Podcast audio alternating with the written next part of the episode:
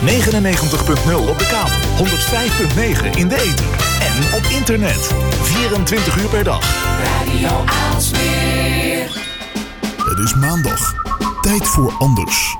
Tijd voor scherpte en innovatie. Tijd voor blikopende radio. Met Puur, Wilg en Lennart. Blikopenen Radio, het is aflevering 24 alweer. Het is eh, 10 juni 2019 en op deze tweede Pinksterdag hebben we weer een rijkelijk gevulde uitzending voor je. Uh, te gast in de studio vanavond is uh, Janneke Willemsen. Ze is presentatrice en beurscommentator bij RTL Z. En ook de oprichter van de site blondjesbeleggenbeter.nl. Ja, daar willen we natuurlijk alles van weten. en uh, ook in de uitzending onze columnist Samira Salman, die ons weer alles vertelt over nou ja, event, nieuwe gadgets en dingen die je bij elkaar brengen. Natuurlijk hebben we ook de Week van Wilg, waarin Esther ons bijpraat over alles wat er is opgevallen afgelopen week in uh, ja, de wereld van tech en socials. Yes. En we hebben natuurlijk ook uh, Dim die ons uh, vertelt over de, de Human Trap, namelijk uh, NIM6. Ik ben heel benieuwd of die al op je mobiel staat. En het idee is van, nou ja, moet je dat houden of zo snel mogelijk weggooien? Hmm, spannend. Nou, genoeg interessante dingen dus vanavond bij Blikopenen Radio. En we beginnen meteen met onze gast in de studio, Janneke Willemsen. Janneke, goedenavond. Goedenavond, leuk om er te zijn. En leuk hoe, om dit hoe te blond zien. ben jij? Jij bent best wel blond. Ja, ik ben uh, zelfs ook nog deels uh, blond van mezelf. Ja, deels. Ja, maar uh, ja, ik ben nu wat blonder. dat komt toch echt wel uit een potje. En we beginnen altijd met ja, wie ben je en wat doe je en waarom doe je dat? Uh, nou, Lennart heeft mij net uh, perfect geïntroduceerd eigenlijk. Dus ik uh, presenteer voor RTL Z, doe daar ook beurscommentaar, presenteer beursprogramma's. Um, ik doe dagvoorzitterschappen als presentatrice, of moderator heet dat dan. Hè. En, uh, en ik heb mijn eigen website, Blondjes Beleggen Beter. En daar laat ik zien hoe ik zelf beleg. en of het goed of fout gaat. En waarom ik dat doe, dat laatste is omdat ik graag wil dat andere mensen ook gaan beleggen. Mooi. En, en hoe is dat, zag ik, hoe ben je in de journalistiek terechtgekomen? Ja, want je hebt hier ooit in de rond gelopen, begrijp ik. Hier uh, in dit gebouw. Oh, ja, zeker. ja, ik denk, ja, ja ik heb We zitten in al een paar jaar rond in de journalistiek. ja. Uh, uh, hoe ik in de journalistiek terecht ben gekomen, nou, dat was voor mij eigenlijk bijna altijd wel duidelijk. Ik was uh, zeven, toen wilde ik journalist of schrijfster worden. Um, ik heb op de middelbare school nog even een twijfelmomentje gehad. Omdat ik uh, VWO deed en dus naar de universiteit kon. En journalistiek was een HBO. Ja. Toen zei een decaan, ah joh, doe universiteit. Maximale eruit halen. Ja, precies. Toen ja. raakte ik even in, in, uh, in verwarring. Want ja. toen dacht ik, ja, wat moet ik dan doen? Uh, economie, politiek, geschiedenis. Ik vond eigenlijk niks leuk. Dus na een, een, een twijfeljaartje ben ik toen toch gewoon naar de school voor journalistiek gegaan. Ik werd ook gelukkig ingelood. Dat is ook niet vanzelfsprekend. Nee, dat was toen nee. helemaal. Ik weet niet hoe het nu is, maar uh, dat was toen niet vanzelfsprekend. En dat heb ik toen gedaan. En uh, ja, dan loop je stage en dan gaat het eigenlijk vrij makkelijk. Ja. Um, maar mijn eerste baan was meteen op een economieredactie. En dat was eigenlijk vrij verrassend. Uh, want toen belde weer een docent van de school voor journalistiek mij op. Nadat ik klaar was met die opleiding. En die zei, uh, ja, er is daar een baan bij de GPD, economieredactie. En ik zei, nou, maar waarom bel je mij? Ik heb daar dus echt helemaal niks van mee. En ook op de middelbare school interesseerde me totaal niet. Ik snap er ook niks dan. van. Nee. Ja. En toen zei hij, ga toch maar eens praten. Uh, heb ik gedaan. Het klikte heel erg. En uh, dat bleek ontzettend interessant te zijn om uh, ja, toen te schrijven over uh, bijvoorbeeld alles wat er met bedrijven gaande was. En bijvoorbeeld met supermarkten, want dat was mijn sector. Um, Oké. Ja, we hadden toen nog een Laurens, dat was nog een supermarkt, die bestond -hmm. toen nog. Uh, Ahold uh, veel over geschreven. Ja. Ik, ik, had een uh, rubriekje waarin ik bekende Nederlanders interviewde over hun geldzaken. Nou ja, ik was eigenlijk toen wel meteen uh, ook daaraan verkocht. Maar als ik dat allemaal zo hoor, hè, dat je in het begin ook niet wist wat je eigenlijk precies wilde doen en het interesseerde je eigenlijk allemaal niet, uh, was dat een soort vonk dat plots in die economie en die, die ondernemerswereld op je afkomt? Kom je uit een ondernemersgezin? Nee, totaal niet. Ik kom niet uit een ondernemersgezin. Ik vind jou best wel heftig, tenminste als ik op de radio hoor. Dat bedoelt ze positief hoor. Dat is gewoon Maria positief. Ja, ja. Ik, dat is, ja je, je pakt wat, wat, je ziet. Pittig. En, en, je wil het ook ja. meteen begrijpen. Wat interesseerde ja. je toen wel in die tijd? Nou, het is niet zo dat niks mij interesseerde. Ja. Ik kon gewoon geen niet kiezen. Oh, prachtig. Dat was het. Te veel. Dan is journalistiek wel slim.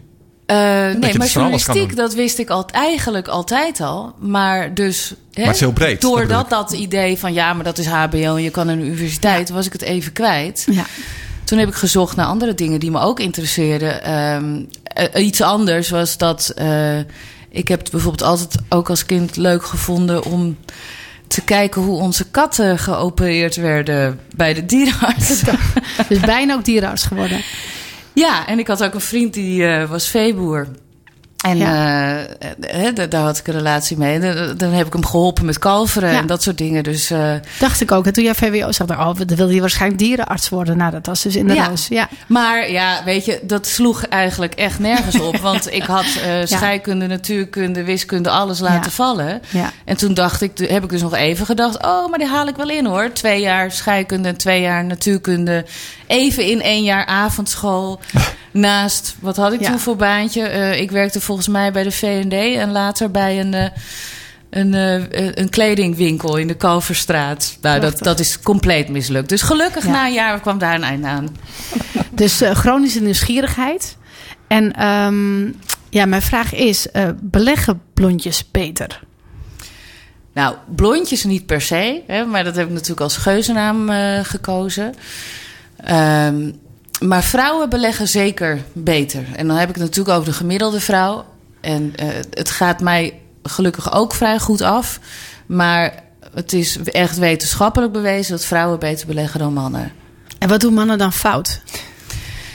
Ja, mannen die eh, zitten veel meer op eh, scoren. Dus eh, ze willen snel resultaat zien. Eh, dat betekent dat ze eh, bijvoorbeeld met hefboominstrumenten aan de slag gaan. Zeg me niet. Ja, dat is eigenlijk kort gezegd beleggen met geleend geld. Oké. Ehm, maar De Trumpiaanse methode. producten. Ja, weet ik niet. Deed hij dat? Weet ik niet. Ja, volgens mij niet in ieder geval zijn eigen geld. Ja. Ja. Dus dat. En wat ze ook doen is veel meer handelen dan vrouwen. Dus, eh, Meer risico nemen misschien ook. Door het geleende geld en dat soort dingen. Of, ja, ja, ja, dat is een gevolg daarvan. Maar zelfs in het risicogedeelte van investeren eh, beleggen vrouwen beter. Dat zie je ook onder de, de, de angel investors. Eh, omdat ze veel meer eh, op, op, alleen maar op een soort van de promise of geloven. Terwijl vrouwen echt willen zien van maar wat zit er nou achter. En die zijn, die zijn wel risiconemend. eh, maar willen daar iets meer eh, gevoel of Ja. iets meer data bij hebben. Het naadje van de kous, om eventjes eh, vrouwelijk eh, dat te benoemen. Wat prachtig, terwijl jij zou denken... En, en, en wat voor soort belegger ben jij? Eh, ik ben een lange termijn belegger. Eh, en ja, om toch even terug te komen op wat de onderzoeken zeggen over waarom vrouwen beter beleggen.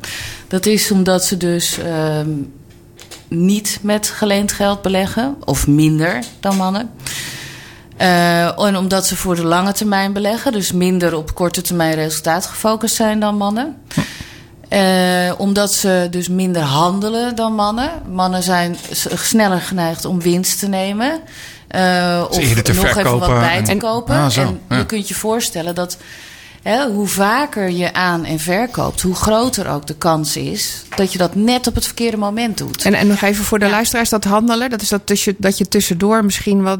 Handel als is aan en verkopen. Ja, als, er wat, als je dan ziet dat er bijvoorbeeld een prijsdaling of stijgingen zijn, dat je daar dan meteen op acteert. Dat bedoel je dan met handelen? Ja, aan en verkopen. Ja. Dus eh, weet je, mannen doen dat veel vaker. En je kunt je voorstellen, als je vaker koopt en verkoopt, dan kun je dat dus veel vaker. Is de kans groter dat je dat precies op het verkeerde moment doet. Dus net gezien, ja. op het moment dat het verschrikkelijk gedaald is en daarna omhoog gaat. Of net op het moment dat je op een top staat en daarna klettert. eh, of eh, ja, ik doe het eigenlijk verkeerd. Maar eh, dat, je heel, dat je heel hoog koopt en daarna klettert de koers naar beneden. Dus dat is, dat is ook een, een, een ding wat mannen in de weg zit. En tot slot heb je dat, dat vele aan- en verkopen. Als je het doet op de beurs betaal je daar kosten voor. dat heet transactiekosten. Ja, dus ben je al sowieso kwijt. Ja, je geeft gewoon sowieso veel meer geld uit. En wat doet je lijf als je wint? Mijn lijf. Is, is, is, is het verslavend, beleggen? Of bedoel je gewoon mensen in het algemeen? Nee, bij jou? Oh, bij mij... eh, ja. Nee, ja, geen Zou je idee. zonder kunnen? Eh, ja, zeker. Oké. Ja. Ja. Oké, dus het, het is, het is niet dat je het. eh, Oké, het is een soort hobby. In ieder geval een winstgevende hobby. Maar het is niet iets wat constant eh, in je hoofd zit. Van hoe gaat het nu? Of, of wel? Ehm, nee, kijk, het is voor mij iets raars. Want ehm, ik ben er niet zo emotioneel bij betrokken als heel veel mensen dat zijn. Tegelijkertijd ben ik er wel heel erg in geïnteresseerd. Maar ja, dat betekent dus dat ik ook weer niet non-stop met mijn telefoon aan de hand zit te kijken wat het nieuws is. Tegelijkertijd, ik verdiep me ook weer wel erg vaak in het nieuws. Maar dat komt ook omdat ik werk in die sector. het is geen dus ik moet weten Ja. wat er gebeurt op de beurs. Maar wat, wat doet een beurscommentator? Eh, nou, bij RTL Z is het zo dat je staat de hele dag op de beurs en eh, eh, zoekt dan naar verhalen en eh, belt ook mensen om te kijken van wat, wat gebeurt Maar je er nou. staat letterlijk fysiek op de beurs. Klopt. En dan eh, heb je... eh, Tussen allerlei, eh, gewoon voor het leek, hè, een beeld van de financiële wereld. Er staan mannetjes in, een in zo'n gebouw en die allemaal druk gebaren en Ja. handelen en doen. Wolf Klopt of dat? Wall Street-achtige Ja, dat soort dingen. Nou, voor mensen die er ik- niet in zitten. Kijk, voor de mensen die nog nooit naar RTL Z hebben gekeken, zou ik zeggen: zoek het eens op. Mhm. Het is op zender eh, 11 of 12. Ik geloof bij eh, Ziggo zit het op 12 en bij KPN op 11. Ja. Dan kun je zien wat daarachter gebeurt op het moment dat er geschakeld wordt met de beurscommentator. En met schakelen bedoel ik een live verbinding Ja. vanuit Hilversum, waar de studio, de nieuwspresentator zit, met de beurscommentator. Dus dan zie je even van, nou, we gaan nu naar Amsterdam en daar staat beurscommentator. Nou, we hebben er meerdere. Ja. Eh, daarachter is eigenlijk op het ogenblik, en dat is eigenlijk al heel lang zo ehm, inmiddels, niet zo heel veel te zien.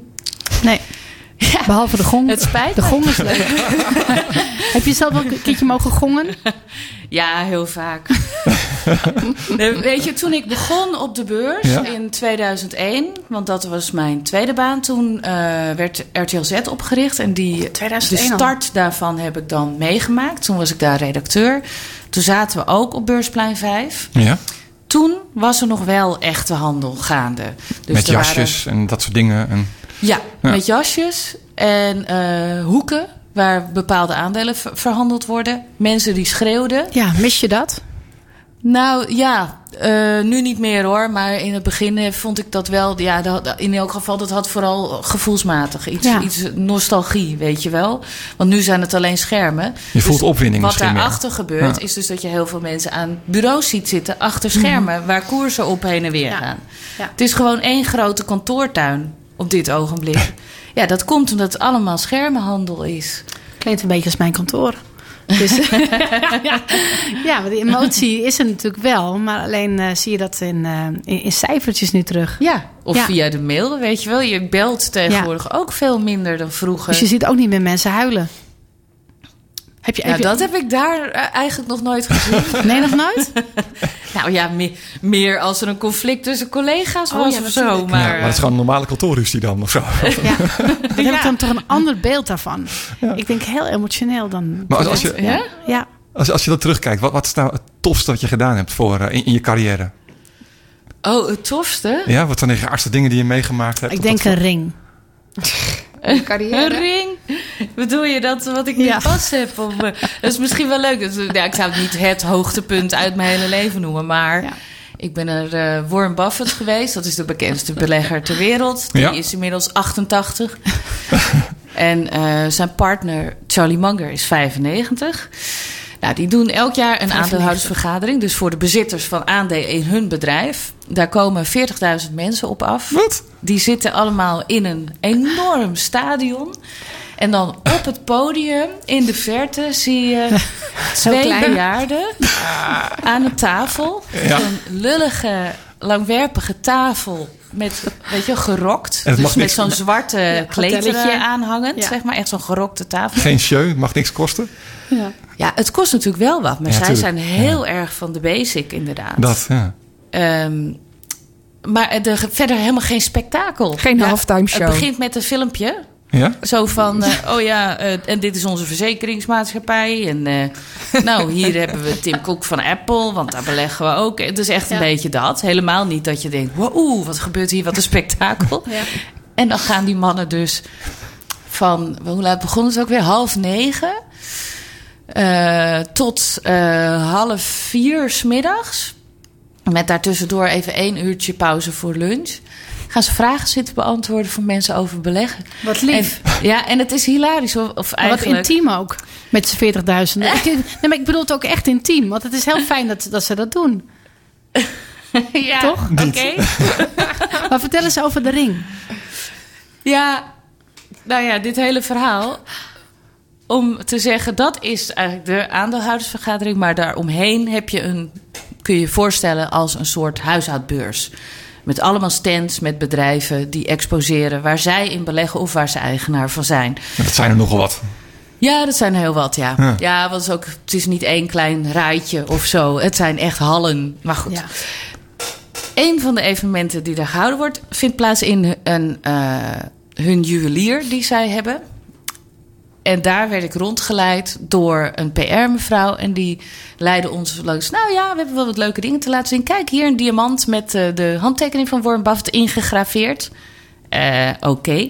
Ja, In de ring of in de diamant? in een diamant. Nee, dat meen je ja, niet. ze lieten dat zien. onaardig ook. Dan hebben ze dat, eh, dan hebben ze bij dat, eh, zeg maar, dat steentje, Ja, zo'n- zo'n glazen het steentje. deskje. Ja, ik weet niet zo goed hoe je dat moet zeggen.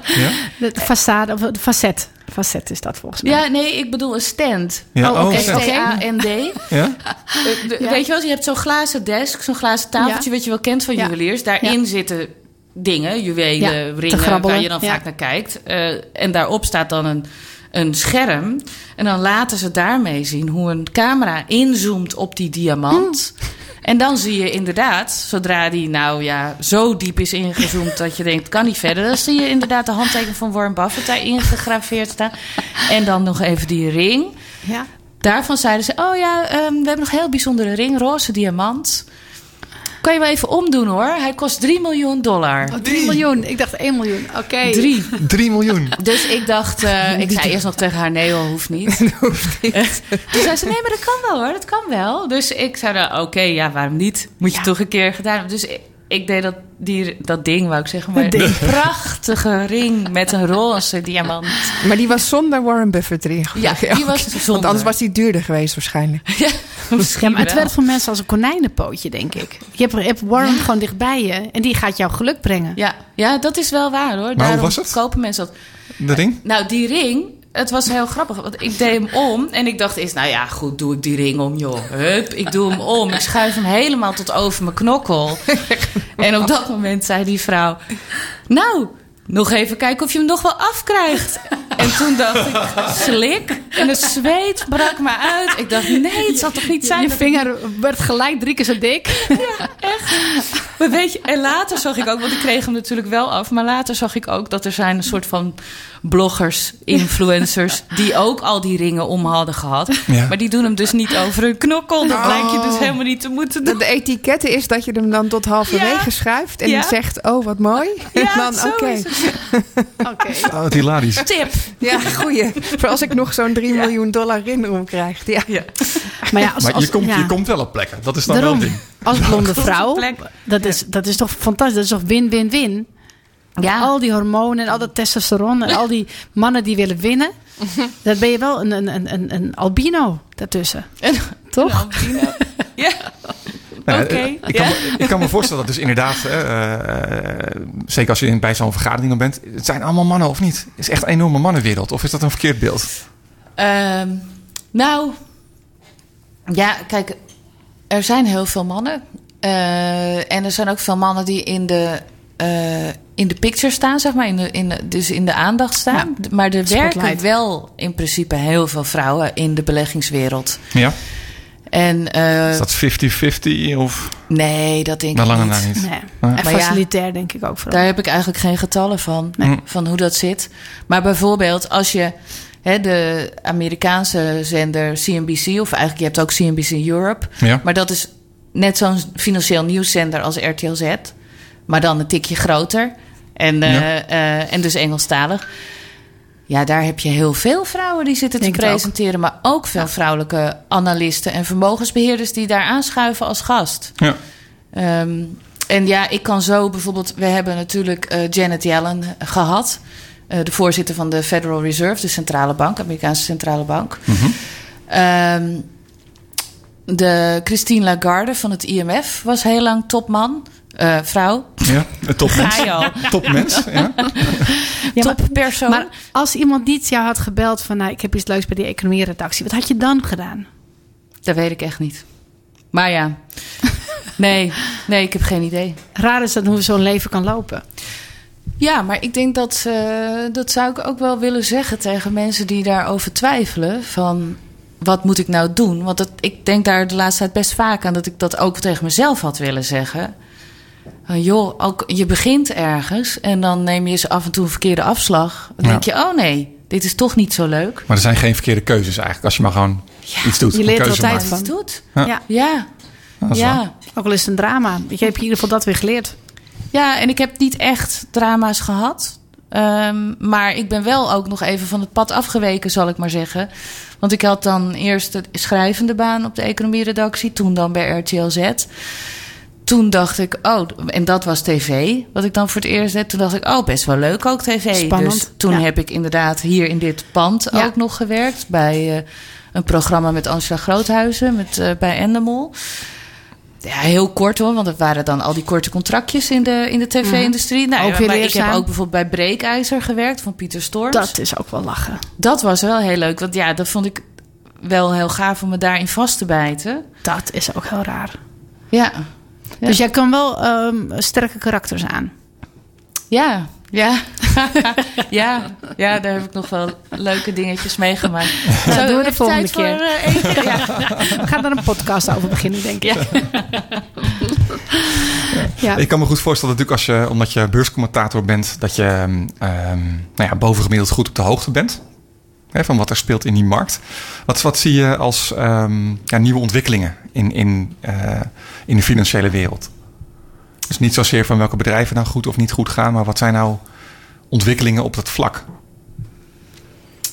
Op het vlak van beleggen? Of, Ja, ja, eh, want bedoel- ja, Je weet je, als ik naar de hele financiële wereld kijk, je hebt natuurlijk... eh, Ah, kom op even, de Nee, je ziet bijvoorbeeld ook heel veel apps nu ineens die zeggen van nou, eh, iedereen kan beleggen. Hè. Zoals, jij, jij wil natuurlijk ook mensen leren met blondjes beleggen beter van nou, misschien is het ook goed om daar zelf eh, eh, aan te beginnen. Maar er zijn ook heel veel apps die zeggen nou, als je deze app gebruikt kun je eigenlijk al heel veel zelf. Of je ziet heel veel dingen eh, ontstaan zeg maar, op dat gebied, ook op, eh, in de financiële wereld. Ja, maar voor mij is het wel, het komt allemaal op hetzelfde neer. En ik zie apps eh Als een vaak als een verlengstuk. Of Ja. je nou een website gebruikt of een app gebruikt. Ik heb, ik heb niet meer het gevoel dat een app iets heel bijzonders is.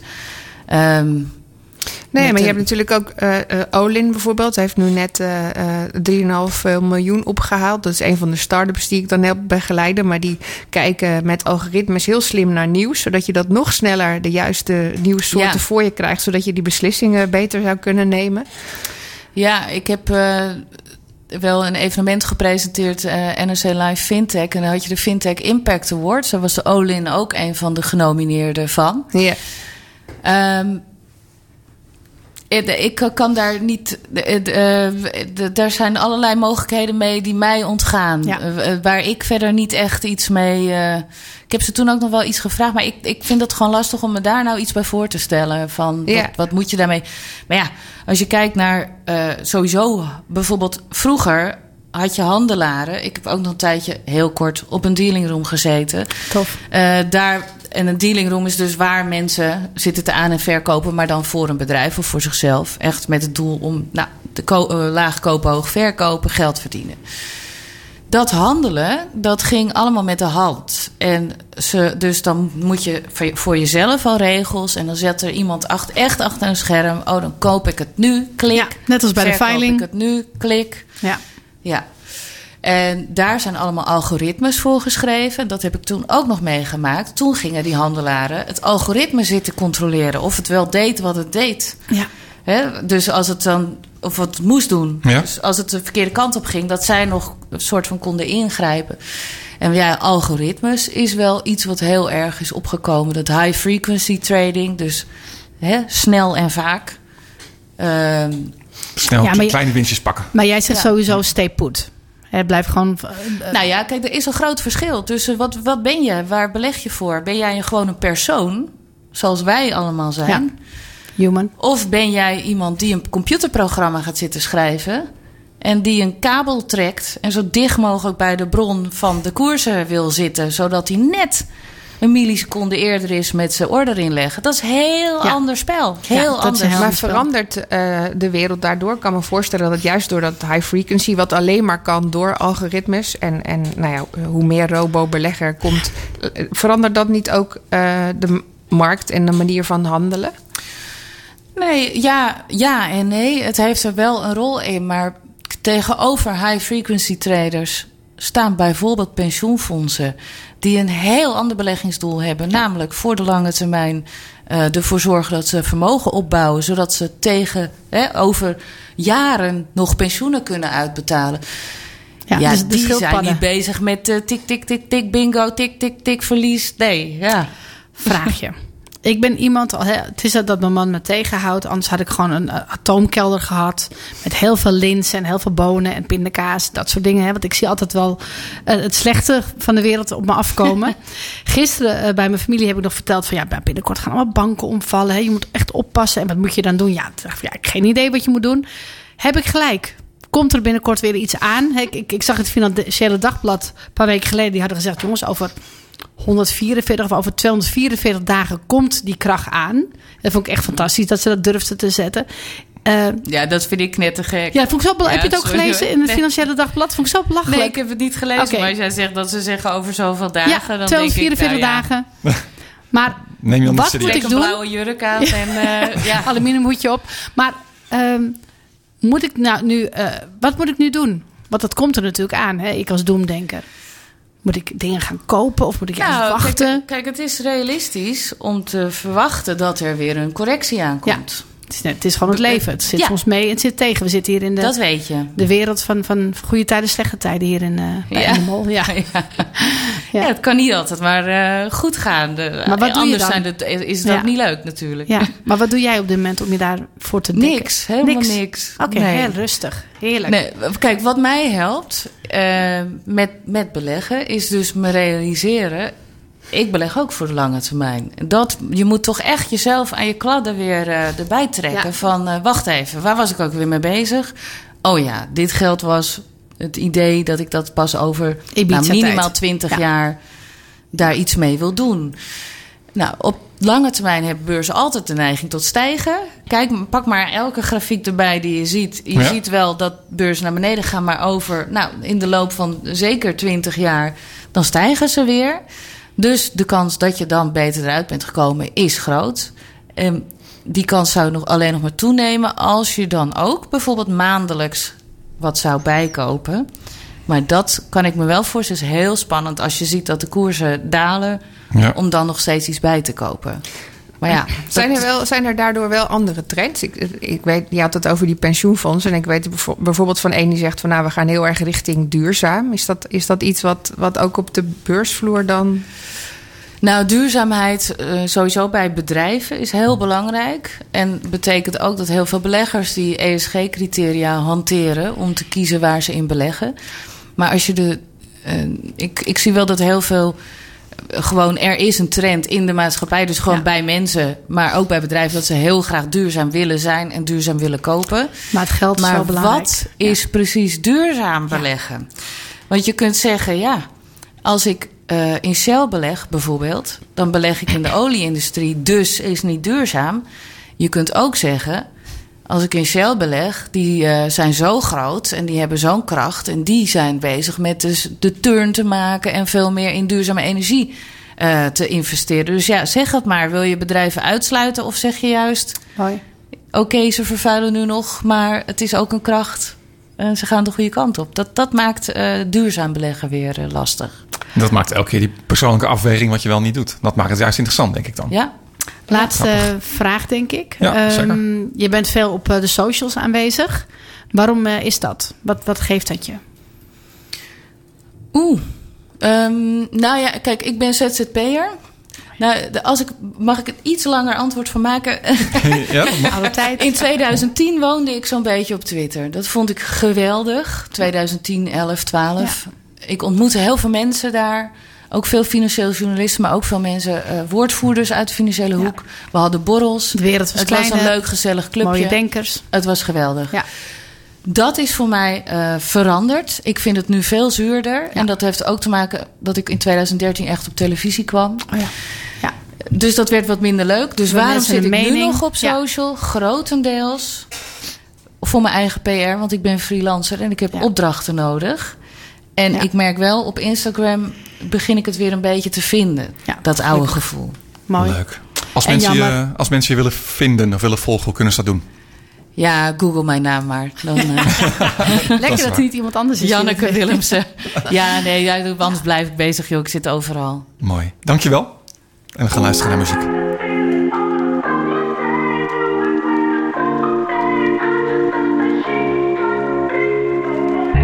She looks good in the morning. And she don't even know it. I don't want you to go yet. Can we stay in the moment? Don't look in the mirror, look into my eyes. When you see your reflection, you'll see what I like. Uh, You look good in the morning. And you don't even know it. I knew that. I got this feeling on a summer day. I knew it when I saw her face. I just thought that she could be the one. I got this feeling on a summer day. I knew it when I saw her face. I just thought that she could be the one. Sundress with you on my arm. Take the coupe out the garage. Pull the roof back. Just me, you and the stars. Toast to the gods. She's a one, a masterpiece. She a drug at a fast release. Got me sprung, wrapped in sheets. Wake up, and then we going back to sleep.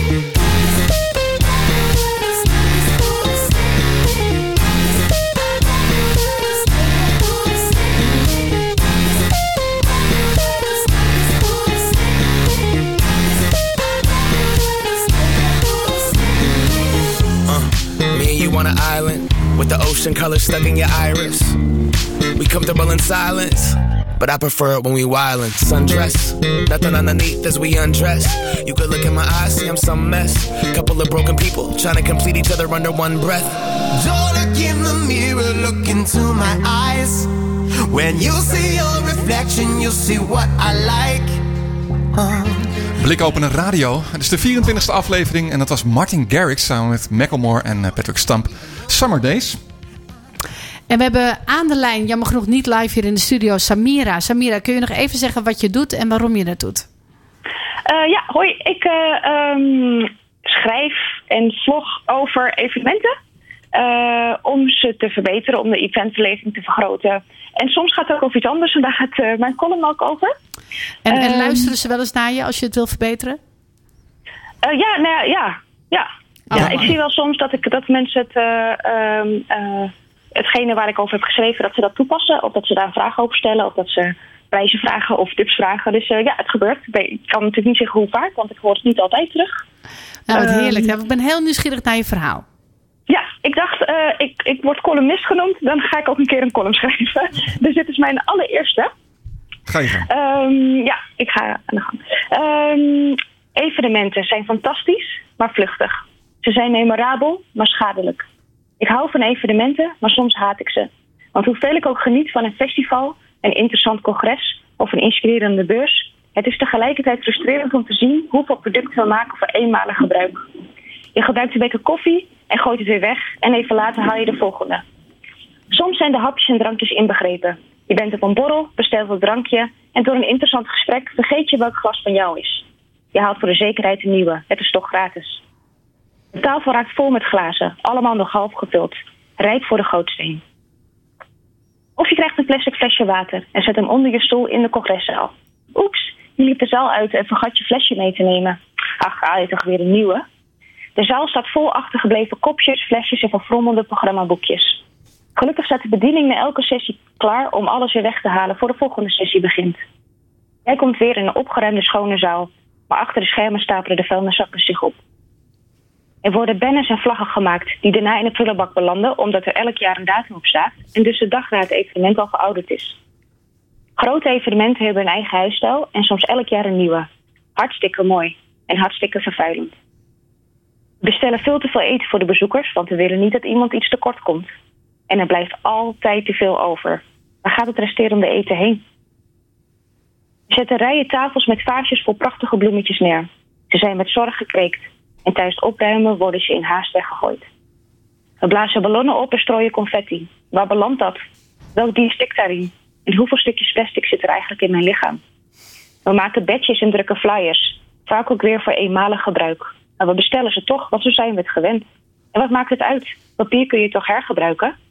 Maar wat is er eigenlijk allemaal voor nodig om het te produceren, te vervoeren en te recyclen? En hoe schadelijk is het inkt? We organiseren themafeestjes en halen onze aankleding en accessoires bij de winkels waar alles slechts een paar euro kost. Je bewaart ze voor de volgende keer. Maar die volgende keer komt niet. Na een tijdje krijg je opruimwoede dankzij een aflevering van Marie Kondo op Netflix. Vol trots gooi je alles weg. Opgeruimd staat netjes. En de afvalhoop stapelt zich op. Gelukkig zijn de alarmbellen afgegaan. We verzieken onze aardbol, we zien de consequenties en grijpen eindelijk in. Op sommige fronten gaat het heel snel. Op andere fronten gaat het onnodig langzaam. Er zijn steeds meer duurzame oplossingen die het ons makkelijker maken duurzamer te zijn, ook voor evenementen. Laten we nou eindelijk onze evenementen dan ook echt verduurzamen. Of je nou een bezoeker bent of een organisator. Verspilling helemaal voorkomen is nog een stap te ver, maar drastisch verminderen kan echt wel. Ik schrijf regelmatig over mooie oplossingen die op de markt verschijnen om eventplanners ervan bewust te maken. Maar niet alles is even populair. We vinden het wel heel belangrijk en wel echt wel een steentje bijdragen, maar het mag niet te duur zijn en ook niet te ingewikkeld, want daar heb je geen tijd voor. Alsjeblieft, maak van een evenement geen kerkhof vol afdankertjes. Als je thuis bewust bezig bent met duurzaamheid, doe het dan ook op een evenement. Hergebruik je bekertje koffie en neem die flyer die je toch van plan was meteen weg te gooien niet mee. Kijk eerst in de goodiebag of er wel echt iets interessant is wat je mee wil nemen. Laat brochures en flyers die je niet interessant vindt achter op de tafel. Dan kan de organisatie het weer meenemen voor een volgend event. Vraag aan de organisatie wat ze doen aan duurzaamheid en spreek ze erop aan als ze de kantjes ervan aflopen. En als je een organisator bent, omarm de duurzame oplossingen en alternatieven en hergebruik materiaal zoveel mogelijk. Bestel steenpapier. Het is ietsje duurder, maar het is vele malen duurzamer dan gewoon papier. En je kunt steenpapier oneindig hergebruiken. Stop met het uitdelen van plastic flesjes water. Maak banners en vlaggen die tijdloos zijn of gebruik duurzaam materiaal. En als je toch zo nodig elk jaar nieuw materiaal wil bestellen, upcycle dan je oude materiaal. Maak er tassen van, portemonnees of hoesjes voor telefoons of laptops. Bestel ballonnen, confetti en andere decoratie van afbreekbaar materiaal.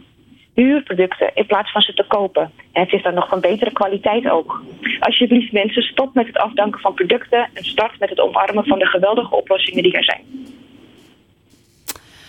Wat zalig, Samira. Amen. Amen. Vonden het, eh, wij komen natuurlijk op veel events, Janneke ook hier. En het, ehm, ja, je, je ziet natuurlijk alleen maar de opbouw, maar je bent niet bij, bij het opruimen en de vuilniszakken wegbrengen. En Mhm. ehm, ja, ik, ik zou willen dat meer mensen dit zouden doen. En dan niet alleen voor de bühne, maar dan ook echt. Ja, precies. Want dat zie ik dus ook. Hè. Er zijn, eh, ik schrijf af en toe over leuke, dan noem ik het een gimmick. hè. En, eh, Ja. eh, ik, een, een shakefiets waar je eh, shakes, dan moeten mensen in We beweging komen. En dan is het geen elektra. en, maar dat is dan een, een, Ja. een stukje bewustwording. En dat is ook goed, maar dat is niet voldoende. Het moet niet een gimmick zijn. Ja, precies. Ik was bij een event afgelopen donderdag en alle badges, dat waren zaakjes van klaprozen. Dus Ah, iedereen ja, nam het weer mee naar huis. En, en ik hoop dan dat iedereen het gaat planten. En dat we allemaal dan met onze klaproosjes zitten. Maar het, eh, ja, ik ga even Nou ja, nadenken dat is over hoe precies dat... zo'n eh, voorbeeldje van een, eh, een item waar, die wel ergens opgepakt, waar ik een keer over schreef. Maar zodra, ik merk gewoon zodra het ook maar ietsje duurder wordt, of als het ietsjes ingewikkelder is, of als het even iets meer moeite kost, dan, dan kiezen mensen toch voor wat ze gewend zijn. Ja, is waar. Ontzettend bedankt, eh, Samira. Hoe kunnen we jou vinden op het wereldwijde web? Google op Event Cookies. Event Goodies. Nou, dankjewel. Jullie ook. Doeg! Ja, dan is het eh, tijd voor de Week van Wilg. Esther, wat is je opgevallen afgelopen week? Ik zat nog op je favoriete woord te wachten, Lennart. Naadloos. Juist. Naadloos over naar de volgende column. Nou, vorige week eh, zat ik natuurlijk eh, een beetje op het puntje van mijn stoel hier eh, om naar huis te kunnen, omdat het eh, WWDC eh, zou gaan starten. Dap dap. Eh, Voor vak. eh, voor Wat is dat? dat eh, is het developer event van Apple. Hadden we vorige week natuurlijk ook al even over. Die dan alle nieuwe dingen aankondigen. die vooral met de software te maken hebben. Maar ook wat nieuwe apparaten. Nou, zoals voorspeld hadden ze, hebben ze inderdaad nieuwe updates van alle besturingssystemen aangekondigd. Zoals de Apple TV, de Mac. De watch, eh, nou ja, eh, Telefoon, telefoon ja, eh, maar ook een aparte voor je iPad. Hè. Dus dat was eigenlijk allemaal wel redelijk gewoon. Maar Lennart, wat vond jij nou? Want jij hebt natuurlijk net zo hard meegekeken. We waren hard aan het, aan het eh, sms'en samen. Ik, ik, had niet, ik had het alleen meegekregen nog op dat moment. Ik heb pas gisteren gekeken. Oké, Want vakantie tussendoor nog. wat, Dus. wat vond jij daar nou het meest baanbrekende aan? Ja, die nieuwe Mac Pro. Ja. Dus de, de, de, professionele hardware, zeg maar. Die ze nu ge- ge- aangekondigd hebben voor eh, eind van het jaar. Die is wel heel erg impressive. Ja, vond ik ook. Ja, ja, even voor de luisteraars dan misschien. Ja, je bent Eh, mij ook kwijt, hè? Ja, eh, Apple had een hele tijd geleden, nou ja, zet eigenlijk altijd al in op, eh, op creators. Hè, dus mensen die mooie dingen maken. Waaronder bijvoorbeeld ook eh, creators die in de filmwereld zitten. Eh, of artistiek bezig zijn. En zij hebben eh, nou ja, daar ook altijd apparatuur voor gehad. Maar dat is een hele tijd blijven liggen. Voornamelijk ook omdat ze zich dan leuk op de watch en op andere dingen richten. Eh, daar zaten dus al een heleboel eh, professionele mensen die, die daar eh, eh, echt rekenkracht voor nodig hebben om grafisch dingen te kunnen doen op te wachten. Eh, nou ja, zoals Lennart volgens mij, of niet? Nou, niet, niet, ja, vroeger wel. Maar Vroeger mensen die met video's renderen en, en 3D-dingen doen Nou, en zo, die hebben gewoon muziek. rekenkracht nodig. 3D-dingen. Ja. Oké. Nou ja, 3D, eh, maar ook films eh, en, Oh. en eh, muziek. Hè, want ze, eh, hun voorbeeld was vooral in de muziek. Eh, en daar is nu een nieuwe Mac Pro voor aangekondigd. En dat is gewoon een hele sterke computer. En die kan eh, heel veel. Er zitten 28 cores in. Nou, dat zegt misschien niemand wat. Maar dat betekent dat hij een hele hoge re- rekenkracht Ja, heeft. Dat hij heel reken- veel dingen tegelijk kan Ja. draaien. En dat hij bijvoorbeeld als jij... eh, eh, in de filmwereld eh, visual effects wil maken, hè, dan Ja. moet je heel veel renderen. Dat moet uitgerekend worden. Dus al die YouTubers gaan ook allemaal 3D-modellen. hele gave dingen maken. Die kunnen makkelijker een De dingen- makkelijker een, een renderen. Daar komt het op neer. Ja, en dat en ook is sneller. zo'n stap geworden in één keer dat het niet een klein beetje beter is, maar heel erg veel beter. Waanzinnig veel beter. En Ja, dat- dus daar waren Dat we is onder de wel indruk goed van. nieuws, ook Ja. voor bij mij thuis. Want daar zit iemand altijd heel lang te Te wachten schelden. tot zijn eh montage Renders, ja. gerenderd zijn. Ja. Ja. Ja, dat is, eh, er zit ook een eh, eigen grafische kaart in. Eh, ik denk dat het een eerste is die, die, zo, die zo goed uitziet qua specs. Er zit ook een heel, een, een, een heel scherp scherm bij. 6K, dat is dus best Met een voetje. Eh, nou ja, dat is dus wel weer de meme die rondwaart. Eh, bij dat scherm zit ook een, eh, een, een standaard. Die zit er standaard bij, maar hij kan er ook af. En als losse prijs kost die 1000 euro. Dus daar waren wat mensen... Ja. Die gewoon lekker in een schuurtje aan het, ma- aan het maken zijn. nou ja, je kan hem ook niet bestellen, maar dan moet je hem ophangen ergens aan. Dat is ook zo Oh ja. lastig. Terwijl het zo handig is dat er een standaard bij zit waar, die je goed kan draaien. Oh ja. Maar het is natuurlijk echt voor professionele mensen. Dus het is een wat duurdere nou ja, suite eigenlijk. Maar je kan er ook ontzettend veel mee. Dus ja, eh, ik denk dat een heleboel mensen daar heel blij van waren. Maar er zijn ook een heleboel mensen die, die al deden alsof ze hem hadden. Want het leuke van, eh, van Apple is wel dat ze dan... eh, ze hebben een AR-kit, hè, dus dat je... Ja. Ik weet niet of je dat gezien hebt. Ze kunnen Nee. heel veel al doen alsof je in het echt... in het echt iets, iets hebt staan op tafel bijvoorbeeld. Hè. Dus dat, dat kunnen ze, dat Eten. kan je ook creëren. En daar zat dus al de Mac Pro in. Hij lijkt een beetje op een kaasrasp, maar dan kon je hem op je eigen tafel zetten en dat eh, naar mensen versturen. Dus ik kreeg van Lennart al een eh, sms'je dat hij hem al had op tafel staan. Test, testexemplaren. dat Gelukkig weet ik. kreeg ik Ja. eh, kreeg ik bijna van eh, meerdere mensen datzelfde eh, fotootje allemaal op hun eigen tafel. dus Je werd twijfelde wat- wel. ja, ik twijfelde wel. Ja. Ja. Wat slim, marketingtechnisch. Ja, Ja. het is heel slim. Eh, wat ik ook leuk vond, is dat ze eh, in die aankondiging lieten zien eh, eh, hoe je Minecraft daardoor ook immersive kon maken. En dat ze op het podium eh, Ja, in met- Minecraft stonden. in Minecraft stonden. Immersive Ja. betekent on- onderdompeling. Hè? Dat, Ja. dat, je, dat, dat je er bent. Ja, dus het, dus het, hele spel was, hele, podium het hele was- podium was gewoon Minecraft. Ja, en dus ze stonden in Kan Minecraft. dat dan ook in- je huiskamer? Is dat uiteindelijk het idee? Dat is uiteindelijk het idee. En ook in de seksindustrie? Ook Op met tafel. Zeker. Nou, dit was in dit geval alleen met. Minecraft, met Nou. Dus ik weet niet precies. maar dat vond ik, eh, dat vond ik er heel, heel leuk aan. Lachen, jongens. Ja. Wat lachen dit. Ehm, Dus we hoeven helemaal de deur niet meer uit. nou, misschien ooit wel niet. Ja. Maar eh, in dit Gewoon geval je ging het eigen- alleen maar over spellen. Ja. Ja. Dus je eigen hotelkamertje bouwen om je heen. Leuk. Eh, en verder had ik eh, een aankondiging van Amazon gezien. Die introduceert Style Snap. En daar zijn ze zelf heel bij, blij mee. Eh, ze, ze liepen... Ze hebben natuurlijk heel veel algoritmes al van, nou ja, als je dit koopt, moet je ook dit kopen. Of Ja, eh, Ze kennen eh, als je dit liedje hoort, dan eh, hier, koop het hier. Eh, en zij introduceerde nu StyleSnap. En dat is eigenlijk een soort Shazam. Ik weet niet of je Shazam, Shazam kent. Dat is natuurlijk dat je dan een liedje hoort en denkt... welk liedje zou dit zijn? Maar dan voor kleding. Oh, dat wil ik. Oh, dat wil ik. Nee, echt. Want ik zie zo vaak iemand met iets. En dan denk ik, oh, nou, dat zou ik nou wel Nou, aan willen hebben. heb Dan denk ik, ja, welk merk zou het Ja. zijn? En, eh, Ik heb dat zelf heel erg met series. En daar zijn er, waren er altijd een, altijd een aantal apps die dan voor de series... waar mensen hele mooie kleding aan eh, hebben. Zoals House Oh, of ja. Cards bijvoorbeeld. Ja, daar heb je aparte websites voor, ja, hè? je hele Ja. websites voor.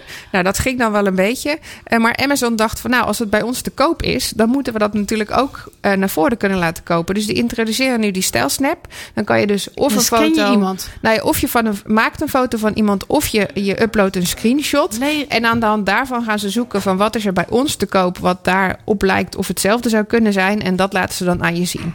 Eh, ze zeggen dat ze daar heel uniek in zijn... maar eigenlijk is er natuurlijk wel al een tijdje de Pinterest Lens. Die is er al wat lan- langer. En met Pinterest Lens kan je ongeveer hetzelfde doen, maar dan vind je de dingen die Oh. op Pinterest zijn. En voor Amazon is dit natuurlijk nog veel interessanter. En misschien voor de consument ook wel. Want Ja. dit is heel gericht op de kleding die ze daar specifiek Ja, verkopen. search, click en pay. Maar dat is ook het, is- een van de nieuwe verdienmodellen van Pinterest, volgens mij, toch? Dat ze juist ook die, die, Pinterest Lens. Ja. Ja, ja dat ze daar, maar die, die was er natuurlijk al voor eh, dat ze daar wilden verkopen. En dat is nog niet eh, heel erg uitgebreid. Dus voor Amazon is dit denk ik wel een hele slimme stap. Eh, ik ik ben alleen benieuwd hoe die dan werkt. Of, je- of je ook echt eh, Ja. de juiste Ja, kleding maar het ziet. zou wel leuk zijn, want ik heb inderdaad ook wel eens... ehm eh, The Good stiekem. Wife bijvoorbeeld. Ja, die is fantastisch. Zij had ook altijd jurkjes Niet aan en normaal. pakjes dat ik dacht... Oh, Ja. dat is best nou, leuk. best leuk. Ja. Waar zou ze dat gekocht hebben? Daar was volgens mij een hele website ja, van. ja, die was toen dus ook van Claire Underwood. Maar Ja. dat vond ik altijd wel iets te duur. Zeg Ja, maar. dat was behoorlijk eh, hoog. in, ja, dat wat een mooi jasje heb je ook aan. Ja, wil je het uh, stijl snappen? Even, even, Ja. even stijl snappen, ja. Eh, en verder zie ik een soort trend van eh, allerlei bekende acteurs eh, en actrices. die niet alleen maar in series en in films eh, nu eh, opeens eh, te zien zijn. maar die dus ook verschuiven naar bijvoorbeeld eh, games. Eh, de nieuwe Cyberpunk 2077, een nieuwe game van Project Red. Nou, dat, daar praten alle jongeren nu over. Heel, die, helemaal Jongeren. enthousiast. Daar hebben ze Keanu Reeves eh ingehuurd. Die is gescand, helemaal een 3D-model van gemaakt. En ze hebben zijn stem eh, nagemaakt. Om hem op die manier in 3D als, als rendering van zichzelf. Het is dus niet, hij is het niet echt zelf, want het is natuurlijk altijd zo'n 3D-weergave. Een soort John Wick. Eh, ja, rol. nou, maar het is een rendering van zichzelf in die game te kunnen neerzetten. Zo Madame Tussauds, maar dan in je game. In je kan je ook game. echt mee praten. Ja. En dat vind ik dus heel interessant, want daar zijn al die jongeren heel enthousiast over. Maar dat zie je bijvoorbeeld ook bij podcast gebruik ik, eh, gebeuren. Ik zie nu een aantal bekende acteurs, die komen nu in podcasts tevoorschijn. En dat zijn, die podcasts zijn dan een soort series, crime-series, maar dan alleen eh, op geluid. Die heel interessant zijn, waar ook bekende acteurs in terugkomen. Zoek maar eens bijvoorbeeld op de 10 beste eh, crime podcast. En dat zijn dan ook die kan je gewoon luisteren in de auto. Dan zit je een crimi te luisteren. Eh, en die worden dan weer opgepikt, bijvoorbeeld door Netflix, die nu een van die podcasts gaat, gaat eh, maar dus eh, eigenlijk vertalen dan in een weer serie. terug naar het ouderwetse hoorspel. Ja, precies dat. En dan worden ze weer door Netflix opgepikt om daar daarna weer een serie van te maken. Dus ik vind dat een hele Het interessante. is alles toch vloeibaar, jongens. Mooie tijden leven we nu. Ah, gaaf. Ja, prachtig. Dat vind ik, eh, het vond ik er leuk om te zien. Eh, ik had nog een heel klein Ja. teasertje voordat we naar Dim gaan. Eh, ik moest heel even lachen om onze favoriete eh, president aan de overkant. Eh, wij zijn hier heel trots op onze EU, die eh, ons helpt met social media en de grote tech gi- giants. Om te zeggen van nou ja, we moeten toch wel een beetje gaan letten op die privacy. En jullie mogen niet zomaar an- alles. Hè, dus die, eh, die AVG, die is, die is er om je bewust te houden. En, en daar moeten wij ook die tech giants aan gaan houden. En Trump zei, dat is een goed idee. Maar nou niet vanwege die regels en die, en, en, en die privacy die ze schenden. Maar juist vanwege die boetes die wij ze opleggen. Eh, want hij zegt, dat is easy money. Dat moeten wij ook doen. Ja, weinig verrassend. Ja, toch Maar goed. Eh, Ja. Ondertussen, aan de andere kant van de telefoon. Dat is jouw favoriete woord, hè? Naamloos en ondertussen. ja, laten we ze allemaal gaan benoemen. Hangt eh, onze eigen Dimitri Vleugel. Dimitri, kun je Oh. even jezelf voorstellen en eh, wat je doet en waarom je het doet? Nou, ik doe heel veel dingen. Eh, een aantal dingen waar ik nog niks over kan zeggen. Maar wat ik nu bijna met de meeste tijd heb besteed is Android World. En vooral nu eventjes het commerciële stuk. En ik denk na over de toekomst van, eh, ja, van, van ons bedrijf. En dat is nodig. Mooi. Oei, dat is wel heel spannend. Dus oké, er gaat binnenkort wat gebeuren. Nou, nee, nee, nou goed, ja, de markt verandert heel erg. Dus ik, ehm, ik bedenk nu hoe ons bedrijf een plek in die markt moet hebben. Ja. En waarom doe je dat allemaal?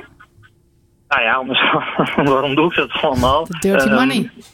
Nou ja, het bedrijf moet voortbestaan. Er moet geld verdiend worden. En, en, en wij zitten in een spagaat dat we ehm, een soort van journalistiek be- eh, bedrijven, maar daarnaast ook eh, commercieel willen zijn. Dus dat is best wel moeilijk. Ja, snap ik.